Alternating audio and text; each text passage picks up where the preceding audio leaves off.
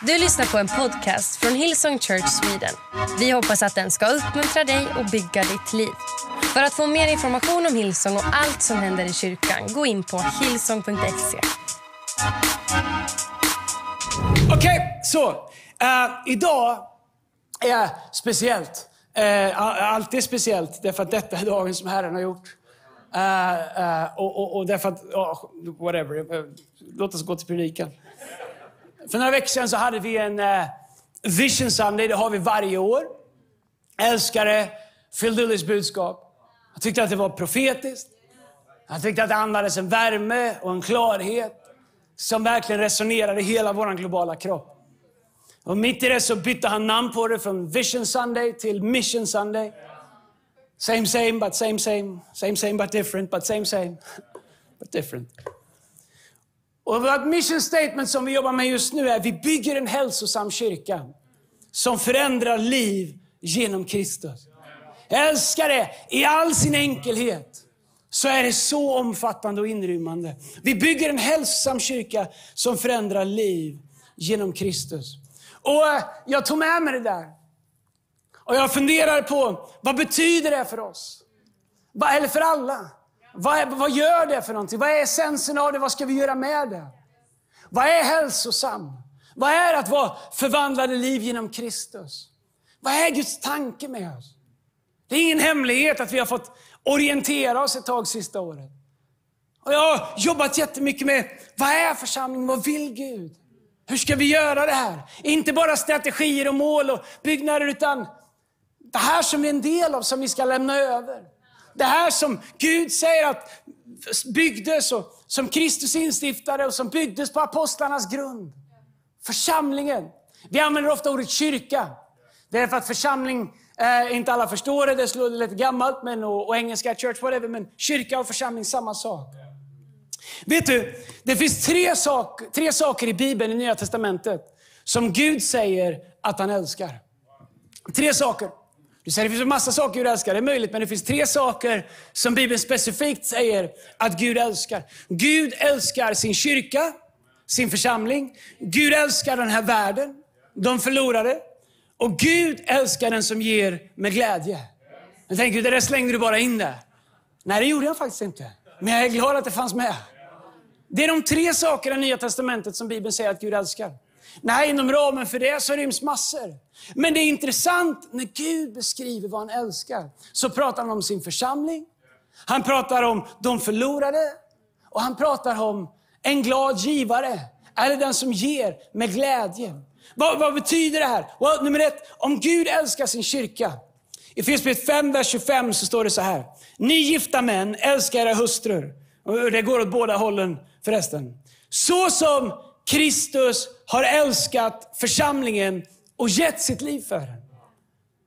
För att helga den, sedan han gjorde den ren genom bad i vatten och genom ordet. Alltså genom dop. Han ville låta församlingen stå där inför honom i härlighet utan fläck eller skrynkla eller något sådant. Helig och felfri. På samma sätt är mannen skyldig att älska sin hustru som sin egen kropp. Den som älskar sin hustru älskar sig själv. Ingen hatar ju sin egen kropp utan ger den näring och tar hand om den. Så gör Kristus med församlingen. Så när Gud ska benchmarka mot den största kärleken han kan, så gör han det mot den kärlek som Kristus älskar församlingen med. Nej, om Gud älskar församlingen och kyrkan så mycket, så måste jag ställa mig frågan, om jag vill följa Gud, innebär det att jag vill älska vad Gud älskar? Därför att Gud älskar massa saker som inte är perfekta. Men Gud älskar sin kyrka. Jag tror att det är så viktigt för oss att påminna oss om det. Och Jag har borrat mig in i det här och jag ska inte stanna jättelänge vid det, men jag kanske kommer tillbaka en annan dag. Men en uppenbarelse om att Gud älskar sin kyrka. Och han dog för den, han vårdar den, han föder den, han leder den och han kommer tillbaks för att hämta den. Han säger att det är hans brud. Att han är brudgummen och när han ska beskriva församlingen i all dess mänsklighet, i all dess bräcklighet, eh, så säger han att det är min brud. Det är den jag älskar, det är den jag gav mitt liv för. Och när jag tänker på det så inser jag att ibland så förhåller vi oss till kyrkan som om det vore någon vanlig ideell förening eller någon vanlig klubb vi är med i eller något vanligt sällskap som är. Och så tappar vi det faktum att kyrkan är någonting som Gud passionerat älskar. Han älskar sin församling. Han älskar de som är med i den. Han älskar allting runt med den. Och det får mig också inse att när jag förhåller mig till den så måste jag, om du kommer till mig och säger elaka saker om någon av mina döttrar, då kommer du förstå att den här ringen, den är inte bara här för att den är cool. Och det är bara början på vad du kommer få uppleva. Det är inget skämt, men jag är glad att ni skrattar. Men jag undrar hur Gud känner. När vi behandlar och pratar om församlingen, dig och mig. Om hans barn. Som det inte vore någonting. Kyrkan är inte en byggnad, det är inte den här, det är inte katedraler, det är inte liksom allt som vi människor försöker bygga. Kyrkan är du och jag i relation till Jesus. Bibeln säger att Jesus är huvudet och vi är kroppen. Och att vi är församlingen och att vi är Guds barn. Och så ser jag Guds kropp, Guds barn över hela jorden. Älskar varandra, gör bra saker, vi såg det på filmen här. Men ibland så ser jag att vi tänker att församlingen är som vilket annat helst som vi kan förhålla oss till hur som helst och, och, och liksom hantera hur som helst. Och så glömmer vi det faktum att Kristus gav sitt liv för. Att det är en av tre saker i Nya Testamentet som Gud säger att han älskar. När den är inte perfekt, man får kritisera den, man behöver inte hålla med om allt, den är full av ofullkomliga människor. Det finns utmaningar, det finns problem. Jag köper allt det. Det här är ingen låt sopa någonting under mattan predikan, tvärtom. Men innan vi gör något av det så måste vi förstå att kyrkan är, att Gud är upptagen med att älska sin kyrka. Gud älskar sin kyrka. Det andra som Gud älskar är den här världen. De förlorade. Johannes 3 och 16. Så älskar Gud den här världen. Att han gav den sin enda son. För att de som tror på honom inte ska gå förlorade, utan ha evigt liv. Gud älskar den här världen. Bibeln säger att innan vi, medan vi ännu var syndare, så offrade Kristus sig själv i vårat ställe och dog för våra synder. Gud älskar de som inte känner honom. Gud älskar den här världen. Gud älskar alla som har gått vilse. Lukas 15 pratar om det förlorade eh, fåret, den förlorade sonen, det förlorade myntet. Om hur Jesus är upptagen av att hitta det som är förlorat. Hur han är fullt, liksom inte besatt, det kan han inte vara, men hur han är liksom upptagen av det som är förlorat. Och om jag vill älska som Gud älskar, om jag vill vara hans barn, då måste jag älska församlingen världen på det sätt som han gör det. Men då måste jag också älska de förlorade på det sätt som Gud gör det. Därför att den kärlek vi har, säger Bibeln, är kärleken från Kristus i våra hjärtan. Och han är upptagen av dem. Han står inte och skäller på dem, han står inte och dömer dem, han har inte fullt upp med att kritisera hur hemskt det är i världen. Du förstår, världen följer inte Gud. Därför så följer de andra saker. Det är liksom det som gör att de, inte, att de är världen. Det är ingen big deal. Men Gud älskar dem. Det tredje Gud älskar är att Gud älskar den som ger med glädje. Det är intressant att det är en av tre saker som Gud älskar. Också intressant hur mycket Gud talar om givande och förvaltarskap. Det är också intressant att det är det absolut mest eh, nervösa ämne som går att tala om i, i kyrkor. Att det blir så där tyst. Bara man kommer dit. Ändå så undervisar Jesus flera gånger mer om det än han gör om helande, eller om frälsning. Eller om no det finns ingenting han undervisar så mycket om. Som förvaltande, givande, skatter, alltihop det här. Därför att han säger, där våran skatt är, där är vårt hjärta.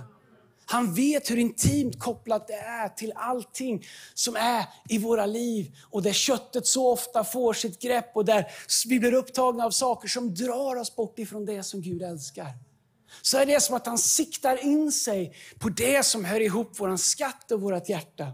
Så står det i Andra Korinthierbrevet kapitel 9, vers 6. Så här, kom ihåg, den som sår sparsamt får skörda sparsamt. Och den som sår rikligt får skörda rikligt. Var och en ska i sitt hjärta bestämma sig för hur mycket han vill ge. Det får inte ske motvilligt eller med tvång.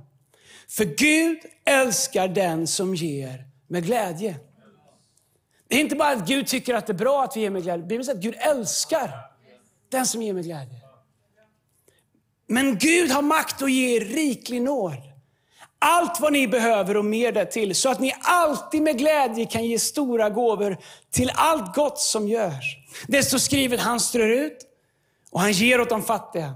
Hans rättfärdighet består för evigt. Han som ger bonden säd och så bröd att äta ska också ge er mycket säd, flerdubbelt och en ökad skörd av er rättfärdighet. Ni ska också få ett sånt överflöd på allt att ni alltid kan ge generösa gåvor till andra.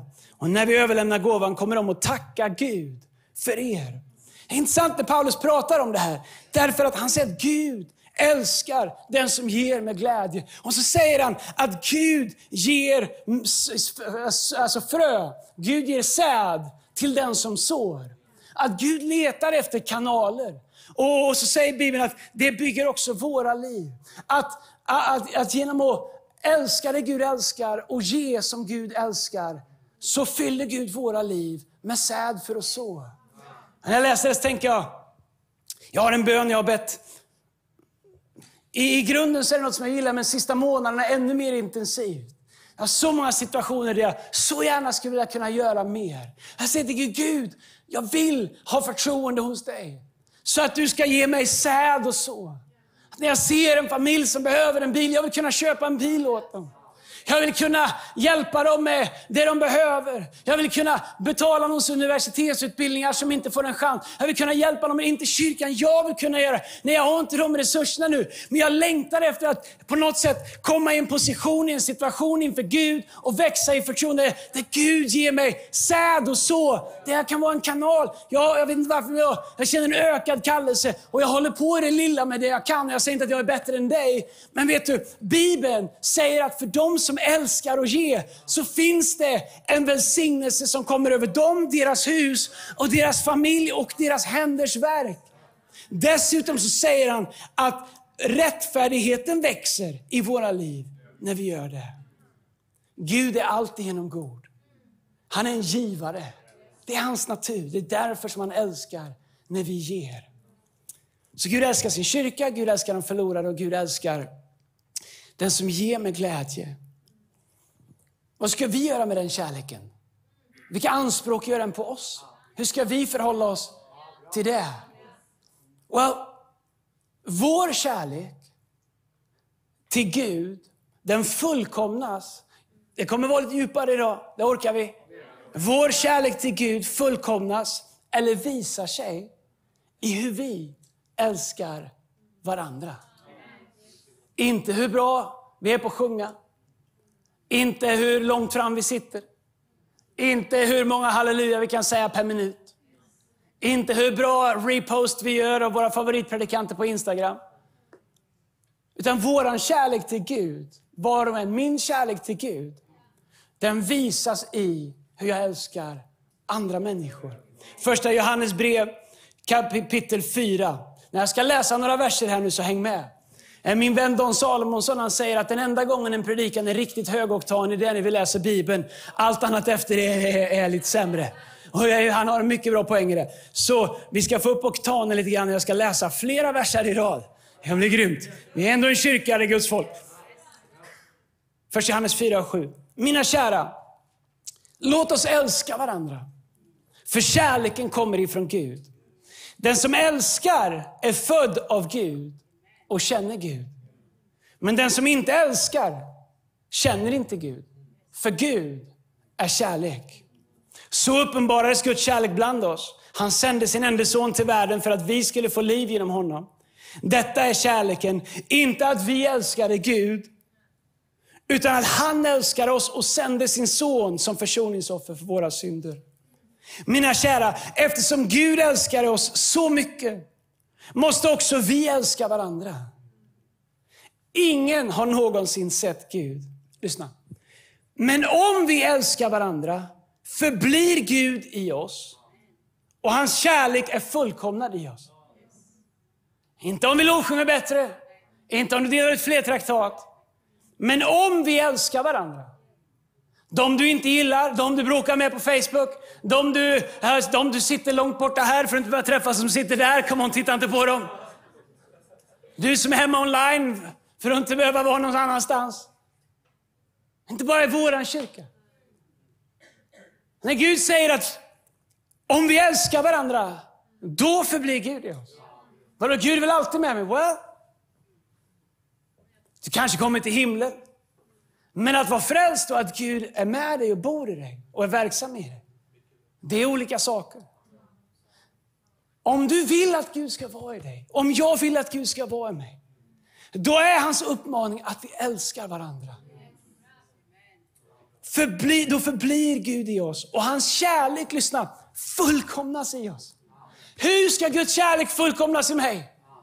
För jag, min själ räcker inte till. Det sätt som Guds kärlek fullkomnas i mig är att jag övar mig på att älska dig.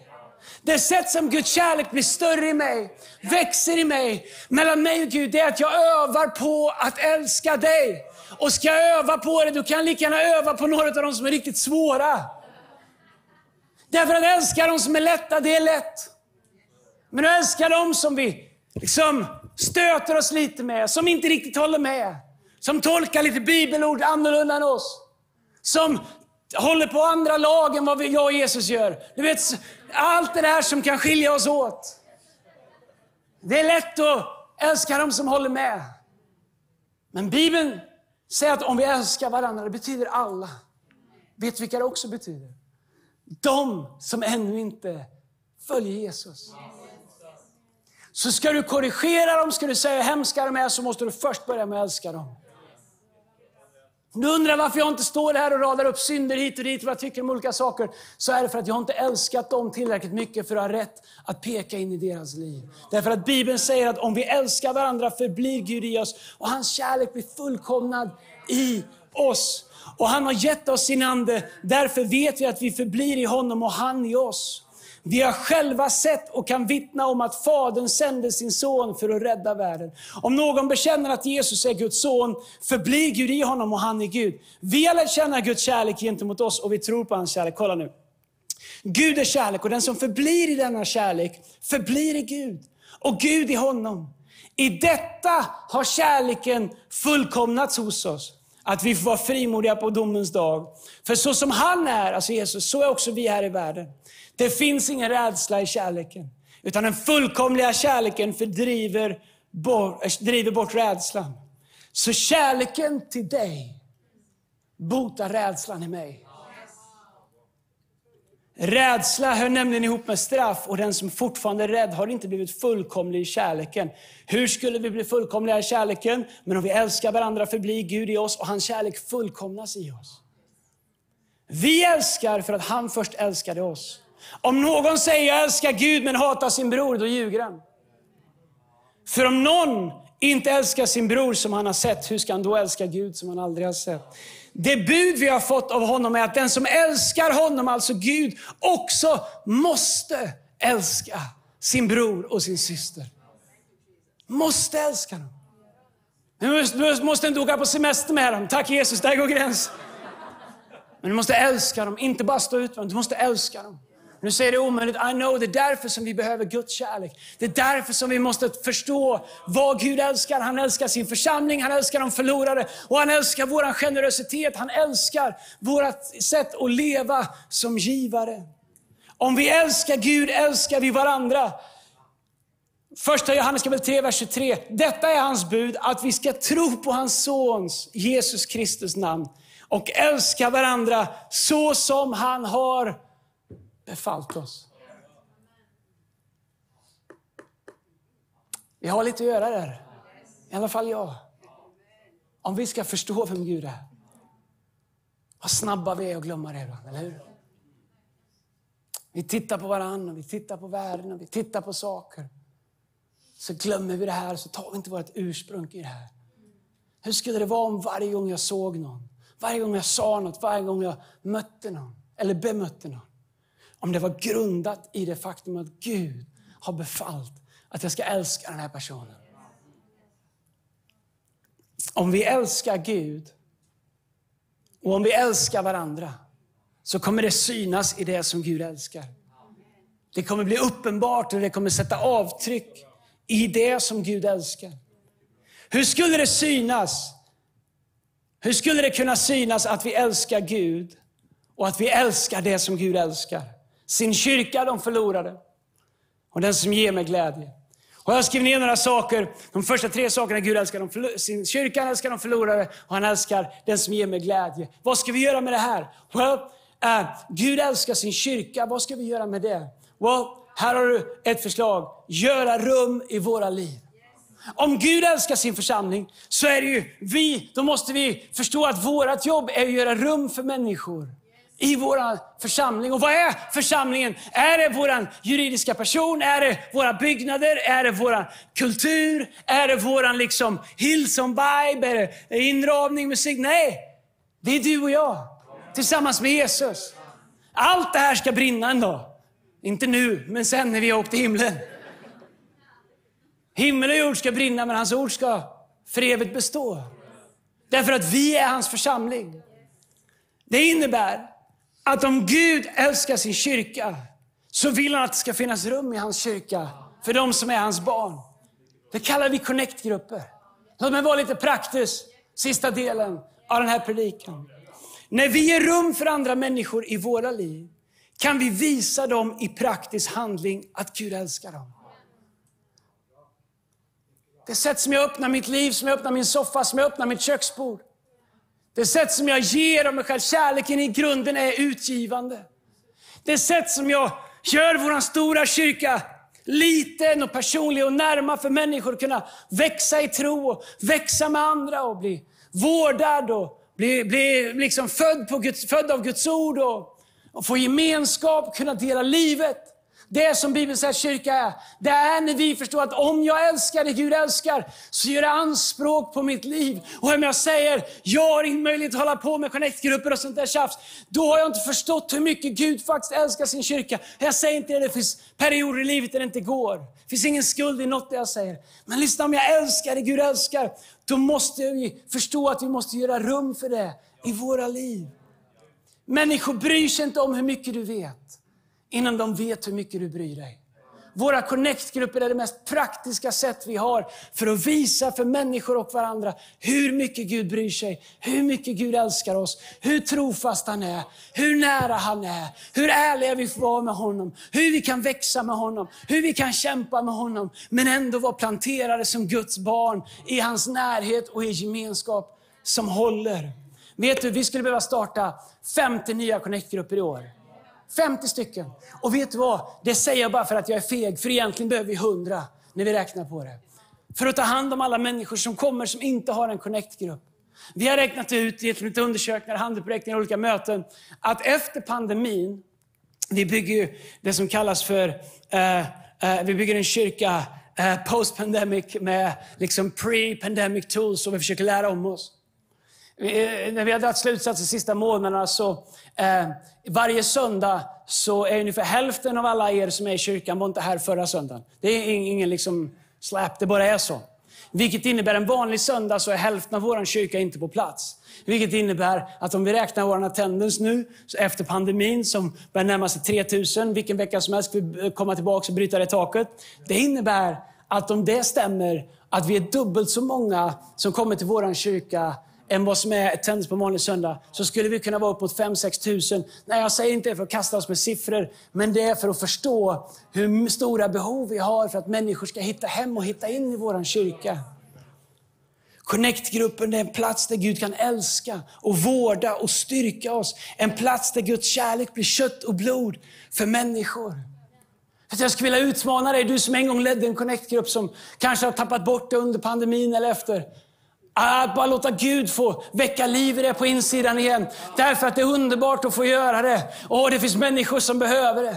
Du som har liksom låtit din connector brinna ut i sanden, come on, sätt startkablar på den. På med defibrillatorn och få igång den igen. Därför att det är där vi är hemma. Det är där som Gud vill vårda oss. Det är där som Gud vill leda oss. Det är där som vi kan lära oss att älska varandra och få del av den kärleken som fullkomnar oss. Några av er som varit med i Connect-gruppen länge, ni är redo att starta en Connect-grupp. Och du säger, jag vet inte hur man gör, det är superenkelt. Du behöver bara vara vanlig, vettig och varm människa som älskar människor. Du behöver inte kunna massa bibel eller vara teolog. Du behöver bara kunna skapa varma rum där vi gör allt för att bjuda in Gud till och där vi ser varandra och älskar varandra. Det finns de av er som, som eh, eh, bara skulle liksom, som har varit connected för länge, länge sedan och som inte är det. Vi behöver er ett varv till. No pressure, men vi behöver er. Därför att om vi ska älska det Gud älskar, och om Gud älskar sin församling, då måste vi göra rum för dem som Gud älskar. Då måste vi göra plats för dem i våra liv och i våra vardagar. Därför att det är där som ordet blir kött.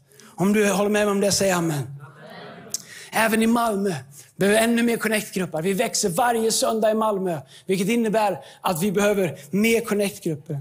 Det andra vi sa att Gud älskar är de förlorade. Vad, vad får det för påverkan och bäring i våra liv? Jo, det gör att vi måste göra rum för andra i vår kyrka. Det innebär att vi måste tjäna. Nej, det ser inte alltid likadant ut för alla människor. Men om Gud älskar de förlorade så måste vi ha plats i vår kyrka för de förlorade. Eller hur? Det är ingen kuggfråga. Om Gud älskar de förlorade och vill att de ska bli frälsta och vill att de ska vara en del av hans kyrka som han älskar, då måste vi ha rum för dem, eller hur? Vi måste göra rum för dem. Om Jesus menar allvar med Lukas 15, när han säger att han, han gör rum, han gör rum för den förlorade sonen. Han kommer hem, han får nya kläder, han får tillbaka sitt rum, han får tillbaka allting. Gud, förlåt, Fadern gör rum för den förlorade sonen. På samma sätt är det en bild för oss att göra rum för dem som Gud drar. Bibeln säger att när vi lyfter upp Jesus så drar den helige Ande alla människor till honom. Varje söndag när vi lyfter upp Jesu lovsång här, så drar anden människor till kyrkan. Du förstår, när vi tjänar i team, så gör vi rum för människor som ännu inte känner Gud. Nej, det kan se olika ut. Det har olika säsonger. Det kan vara olika mycket. Men jag tror att det finns en uppgift för oss allihopa någonstans.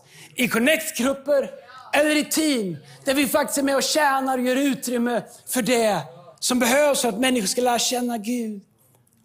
Vi kan i handling visa dem Guds kärlek i hur vi har förberett rummen, i hur vi skapar varma rum, i hur vi tar hand om deras barn, i hur vi hjälper ungdomar att hitta in på ljus i hur vi hjälper dem att komma till en plats där det känns som vi har gjort i ordning allt detta för dig. Du är så viktig. Du är så värdefull. Gud älskar dig så mycket. Så vi kom inte bara hit fem i elva och kammare och gick in där och startade igång som att vi inte håller på med något viktigt. Nej, det här är viktigt för vi har väntat på dig. Det här är viktigt för du är viktig för Gud.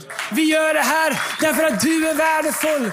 Vi rullar ut de här röda mattorna för att du ska förstå att det här är är för dig. Allt vi gör här är inte för Hillsong, det är inte vår kultur, det är inte våra värderingar, det är inte min kärlek till excellens. Det är för att när du kommer hit ska du känna, om det här representerar Gud och det här mottagandet är hur Gud ser på mig, då vill jag ha allt. När vi är med och använder våra gåvor i Guds hus, så gör vi det möjligt för människor att få känna Guds kärlek innan de ens har tagit emot den. I praktiska ord och handling. Vi kan tycka att det lilla jag gör, vad, vilken skillnad gör väl det? Det gör all skillnad.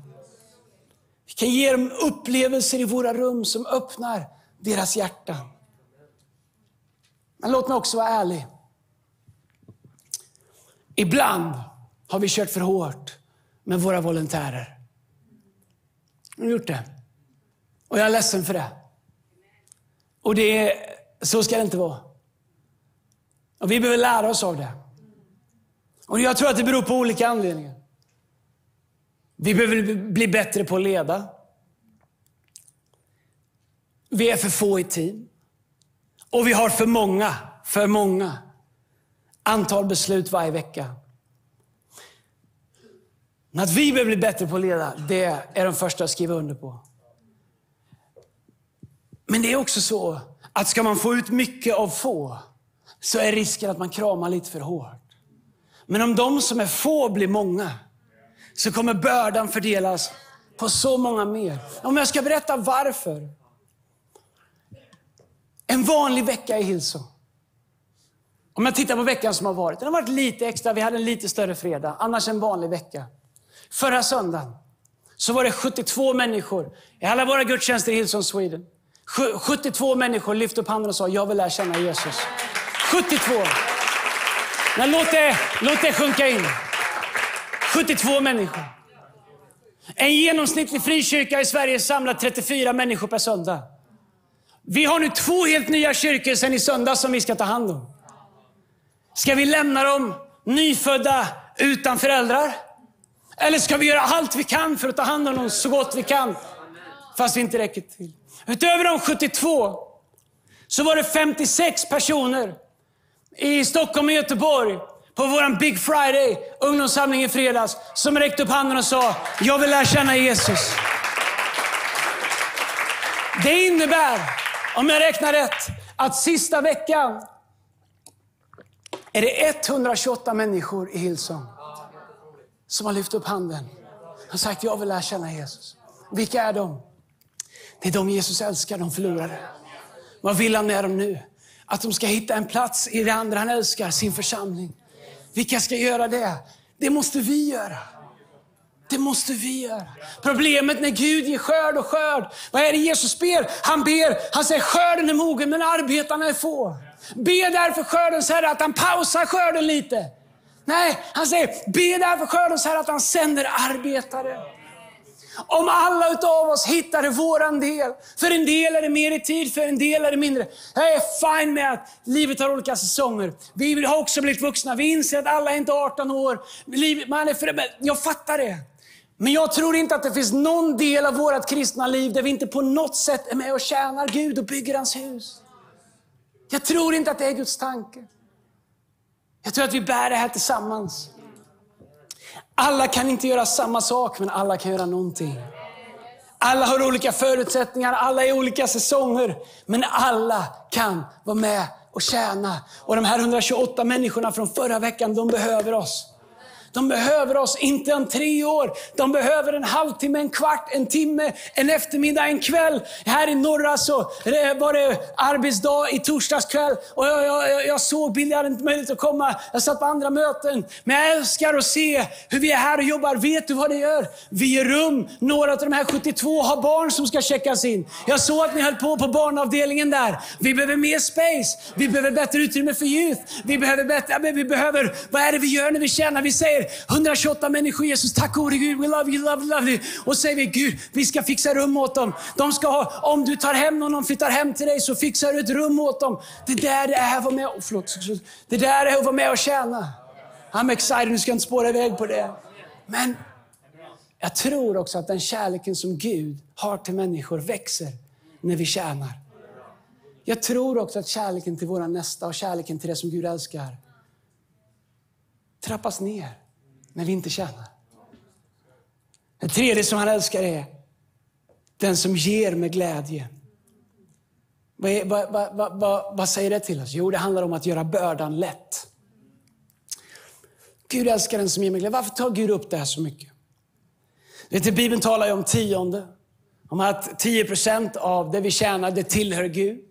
Ibland säger man ge tionde. Well, det beror på hur, hur man läser Bibeln. Om man läser Bibeln står det att det tillhör Gud. Jag kan stjäla det eller jag kan lämna det till honom. Och då säger han, om jag gör det, då kommer han välsigna de andra 90 som är kvar så att de blir långt mycket mer än det jag hade från början. Han säger att vi kommer alltid ha vad vi behöver, han kommer alltid välsigna oss. Men han ger oss ett fritt val att göra det. Det är våran förbundsdeal med Gud. Men rent statistiskt, uh, om man tittar på församlingar eller kyrkor, det som Gud älskar, det som Gud vill använda för att nå de förlorade. I, i, i en genomsnittlig kyrka så är det någonstans mellan eh, 8 och 10 procent av alla som är en del av kyrkan som ger tionde. I en bra, bra kyrka, där givandet är högt, så är det mellan 15 och 18 procent av de som är med i kyrkan som ger tionde. Det är bra, eller det kan, man kan tycka vad man vill om det. Det är upp till var och en. Vår kyrka, vi är liksom, i det bättre spannet, mellan 15 och 18 procent av vår kyrka tiongivare. Jag har ingen aning vem det är, jag har ingen aning vad någon ger, jag har inte tillgång till det. Jag har inte en aning, det är mellan dig och Gud. Och ingen annan vet det heller. Men grejen är att det är Guds plan för att vinna de förlorade som han älskar. Det är Guds plan till det som vi precis applåderade åt, om att göra rum för 128 människor i vår kyrka. Det är Guds plan för att klä den nakne, mätta den hungrig. Varje gång vi applåderar till, till det vi gör i Syrien, applåderar till, till liksom allt socialt arbete som vi gör, eller generation, arbete med generation. Varje gång vi applåderar till det, men inte gör det, Gud vet och så, så vad, vad applåderar vi åt då? Applåderar vi åt de som gör det eller applåderar vi åt att för alla andra applåderar? Men låt mig säga någonting om det. I vår kyrka så är det inget tvång att ge. Han kommer hela livet aldrig ge en spänn. Ingen vet det. Det är mellan dig och Gud. No pressure. Men Gud älskar oss. Och Gud säger att han älskar, och han älskar oss när vi ger. Han älskar den som ger med glädje. Och att tiondet är hans plan för det han älskar och för vårt uppdrag. Här är grejen. Jag måste sluta. Om alla i vår kyrka gav tionde, det skulle göra en sån gigantisk skillnad. Att vi skulle kunna köpa de lokalerna vi vill ha. Vi skulle kunna spara ihop till vilken lokal som helst på två år. I city, i Göteborg, var vi än är. Vi skulle kunna göra allt vi drömmer om på skolor. Allt vi drömmer om för att möta behov. Vi skulle ha så mycket resurser att kunna göra så mycket för Guds rike. Att vi skulle inte kunna hitta, kunna hitta på grejer att göra för allt som vore resurser i huset. Utmaningen eh, att växa eh, med en kyrka som växer hela tiden, det är att risken är, om inte vi växer på alla områden, det är att det som ska göras, bördan som ska bäras, blir större på färre. Och till slut så blir det inte så som Gud har tänkt. För Jesus säger, mitt ok är milt och min börda är lätt. Vad är han menar? Han menar, hej om alla bär sin del så är mitt ok milt och min börda är lätt. Dessutom så lovar han sin välsignelse. Om alla gjorde sin del, eller om alla gjorde någonting. Det skulle förvandla vår kyrka så kapitalt. Du har ingen aning om hur mycket vi får kämpa i city för att hitta lokaler eh, som är inom ramen för våra resurser. Och den enda vi får tag i är den vi har just nu. Det är den enda, enda, enda vi kan få tag i. Vi kämpar. Men egentligen är den för dyr för oss. Men det är den enda vi har. Men om vi hade förstått Guds tanke med att vi bär bördan tillsammans, att vi bär bördan lätt, då hade vi, vi hade varit där vi ska för länge, länge sedan. Det som står i vägen, förutom en fiende som vill hindra Guds rike, det är det faktum att vi är en stor kyrka som bärs av för få. Nej, det är ingen skuld om du känner, jag vill inte ge, dig får jag inte. Det får du visst det. Ingen vet vem det är. Men om några är till i vår kyrka, låt säga 10% till fick en uppenbarelse om Guds ord på det här. Det skulle revolutionera vår kyrka. Det skulle revolutionera vår kyrka totalt i vad vi skulle kunna göra. Så min utmaning är, börja någonstans. Så jag vet inte, börja någonstans. Bibeln säger att vi kan pröva Gud i det här. Därför att Gud älskar oss när vi ger. Han kommer välsigna dig och använda dig. Slutligen medan Daniel kommer upp. Jag pratar om tre saker som Gud älskar sin församling, de förlorade och när vi ger av glädje. Jag pratar om vilka konsekvenser det får i våra liv. Jag pratar om att göra rum i våra liv, connectgrupper. Jag pratar om att göra rum för andra i vår kyrka och tjäna. Prata pratar om att göra bördan lätt genom att vara en givare. Det finns tre saker till. Ni hör vad pedagogiskt det är. Tre, tre, tre. Det är så snurrigt i mitt huvud. Vet, att hålla med alla de här. Så jag bara starta synten så vi predikar någon gång. Låt mig sammanfatta det i tre korta saker. Det finns tre saker alla har fått av Gud som vi är ansvariga för inför honom. Är det okej okay att jag bara pratar till vår kyrka idag lite? Göteborg, och city, och norra, Örebro, Jönköping, och Malmö och var vi än är. Det finns tre saker alla har fått av Gud som vi är ansvariga för vad vi gör med. Det finns tre saker som är gåvor ifrån Gud till våra liv. Vad vi gör med de här sakerna är vår gåva tillbaka till Gud. Tre saker som Gud vill använda i våra liv till det som är vårt uppdrag. Tid, talang och tillgångar. Det är tre saker som är gåvor från Gud. Vår tid är en gåva från Gud. Våra gåvor, våra talanger är en gåva ifrån Gud. Och våra tillgångar, det är en gåva ifrån Gud. Om tid så skriver Jakobs brev kapitel 4, vers 14. Ni kan ju inte veta. Kan jag få, jag hade hårspray där någonstans. Mikael, jag tog ingen aning vad det var. Tack ska du ha. Tack. Bibeln säger i Jakobsbrev kapitel 4, vers 14. Ni, ni kan ju inte ens veta vad som ska hända imorgon.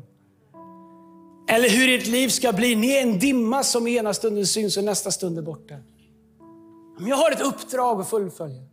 Men jag har en kallelse från Gud med mitt liv. Och vad du än gör i din vardag så är den kallelsen lika viktig som min. Var Gud än har satt dig, var Gud än har kallat dig, din kallelse är en lika helig kallelse från Gud som min är. Men ibland så lever vi som att tiden tillhör oss. Som att våran tid inte är en gåva ifrån Gud.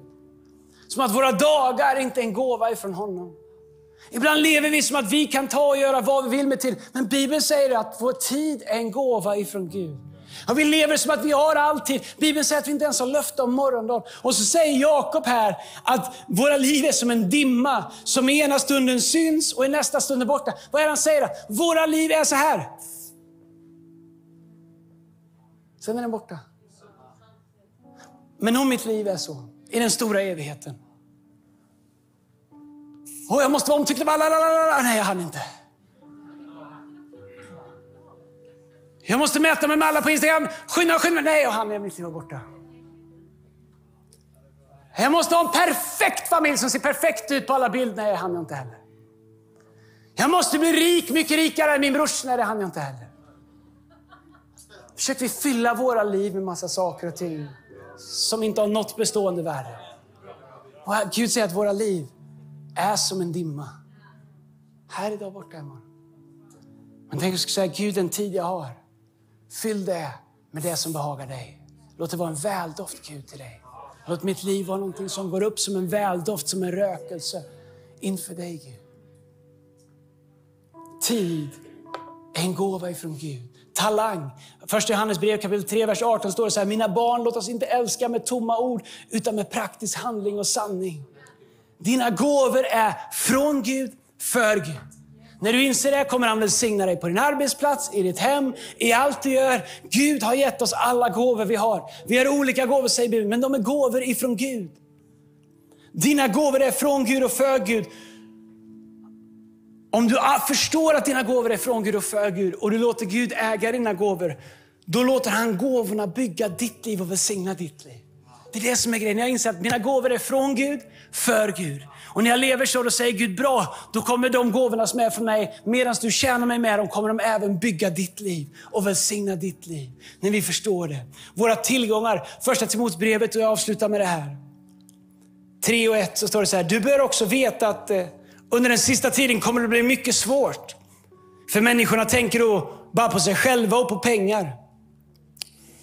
Så Paulus han säger att den sista tiden kommer bli svårt. Varför? För människor tänker på sig själva och på pengar. Tycker jag kan kännas igen på många sätt i världen. De blir skrytsamma, högmodiga, kaxiga, de lyder inte sina föräldrar. De är otacksamma, oheliga, kärlekslösa, oförsonliga. De sprider skvaller och saknar självbehärskning, är grymma och hatar allt gott. De är svekfulla och saknar alla spärrar och högfärdiga. De älskar njutningar mer än Gud. Och de vill ge intryck av Guds fruktan men vill inte veta av dess kraft. Håll dig borta från sådana. Så Gud han sammanfattar vad våra liv kan bli fyllda av. Kärlekslösa, oförsonliga, sakna självbehärskning, eh, var grymma, var svekfulla, skapa, eh, eh, sakna spärrar eller gränser som jag predikade om för några veckor sedan. Eller vara högfärdiga, var, älska njutningar, det vi kan göra för oss själva mer än Gud. Men var kom allt det ifrån? Det kom ifrån att människor tänker på sig själva och på pengar. Nej, lyssna, det är inte fel. Pengar är vad det är. De är inte Gundaloda. De tar sig an personligheten av de som håller i dem. Så det finns inget illa med det. Men det är för lite för att leva för. Våra tillgångar är från Gud, för Gud. Och när vi förstår det och använder dem som Gud har sagt så kommer de även välsigna våra liv och bygga våra liv. Vår mission är att bygga en hälsosam kyrka som förvandlar liv genom Kristus. Vårt uppdrag här i Sverige är att bygga en kyrka som förvandlar en nation. Gud älskar sin kyrka, Gud älskar de förlorade och Gud älskar när vi ger till det med glädje. Tänk om alla skulle vara med och tjäna Gud med sin tid, med sin talang och med sina tillgångar på det sätt som du kan där du är. Vad skulle Gud kunna göra med det som är vårt uppdrag? Det vi säger amen till när vi säger bygga en hälsosam kyrka som förvandlar liv genom Kristus. Och vi säger amen. Vad skulle hända om vi bestämde oss, det där ska jag vara en del av. Det där ska få plats i mitt liv. Det där ska få göra anspråk på mitt liv. Vad skulle Gud kunna göra? Vilka människor skulle få sina liv förvandlade 2023?